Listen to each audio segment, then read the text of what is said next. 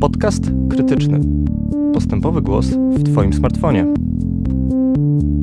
Żaba to tytuł książki Katarzyny Przyborskiej i Marty Przybył, wydanej przez wydawnictwo krytyki politycznej. Posłuchajcie, co sama współautorka Katarzyna Przyborska opowiada o książce i jak odpowiada na pytania najmłodszych czytelników, którzy są już po lekturze książki. Ta książka jest o nierównościach, o tym, że jedni mają więcej, a inni mają mniej albo wcale, o tym, że y, niektórzy uważają, że mają więcej praw, należy im się więcej, tak po prostu.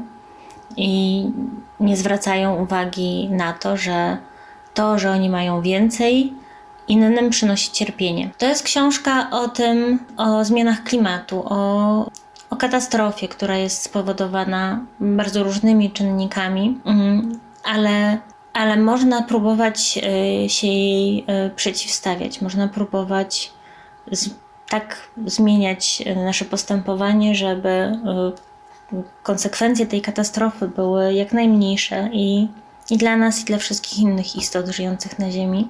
To jest też książka o, o dorastaniu, o przyjaźni, o tym, jak e, mały ptak, kokabura, e, która właściwie nie oddala się od swojej mamy, nagle musi zacząć radzić sobie sama. O tym, jak, e, jak poznaje kogoś, kto zostanie jej przyjaciółką. O tym, jak mierzy się ze samotnością, jak mierzy się z podróżą, Żaba wzbudza wiele pytań. Na przykład Jagna, ośmioletnia, pyta tak. Czemu zwierzęta uważają, że ktoś zapala słońce? W jakiś sposób różne osoby, różni, różni, e, różni ludzie, różne istoty próbują sobie wyjaśniać mm, mechanizmy, które rządzą światem. Na przykład y, ludziom bardzo długo wydawało się, że Ziemia jest płaska, albo że gdzieś na końcu świata woda, mm, woda wylewa się w pustkę, albo że Ziemia, mm, albo że Słońce kręci się wokół Ziemi. I bardzo długo tak uważali. I zwierzęta też chciały jakoś sobie wytłumaczyć, e, dlaczego i jak to się dzieje, że codziennie rano słońce e, rozpalone, gorące przemierza niebo. A to akurat wydawało im się bardzo wiarygodne, że ktoś tam w niebie mieszka i może to słońce codziennie rozpalić. Potem w nocy słońce stygnie, odpoczywa, gaśnie i rano trzeba powtórzyć całą operację. Następne pytanie brzmi tak. Czemu mysz śpiewała piosenkę, a nie mówiła normalnie? Mm, łatwiej zapamiętać, mm, kiedy są i słowa, i melodia. Nie wiem, czy próbowaliście się kiedyś uczyć na pamięć jakichś wierszy, ale kiedy ja się uczyłam wierszy, to jedną z technik zapamiętywania było wymyślenie sobie do, y, do tekstu jakiejś prostej melodii. Po prostu dlatego, że, mm, że w ten sposób jest łatwiej, bo tak pracuje nas, nasz umysł. I kolejne pytanie. Kim by była żaba, gdyby przełożyć całą historię na życie ludzkie? To jest bardzo poważne pytanie. Nie ma na to jednej odpowiedzi. Ja oczywiście mam swoją koncepcję, ale każdy, kto czyta książkę, y, sam, y, sam, sobie może, y, sam sobie może to wyobrazić.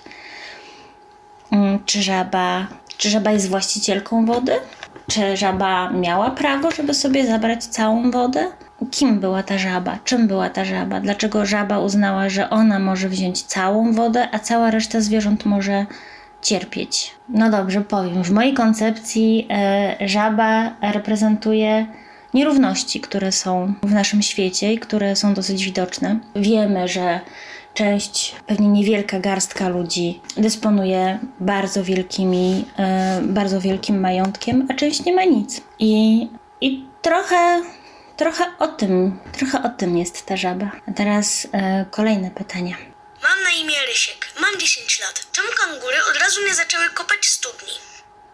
Dużym problemem mm, było to, że zwierzęta wcale nie od razu uwierzyły, mm, że, że dzieje się coś złego. Bardzo długo wydawało im się, że to przejściowe, że zaraz przyjdzie burza, że zaraz rzeka wróci do swoich normalnych rozmiarów. Mm, nie jest łatwe wcale kopanie studni, w twardej ziemi. Mm, kangury tak e, radziły innym, ale same przecież w sumie też tego nie zrobiły. Tylko wydawało im się, że to jest y, jakieś wyjście z sytuacji. I być może jest, gdyby zaczęły odpowiednio wcześnie. Ale mieszkały nad rzeką, miały wspaniałą łąkę. Mm, nie widziały takiej konieczności.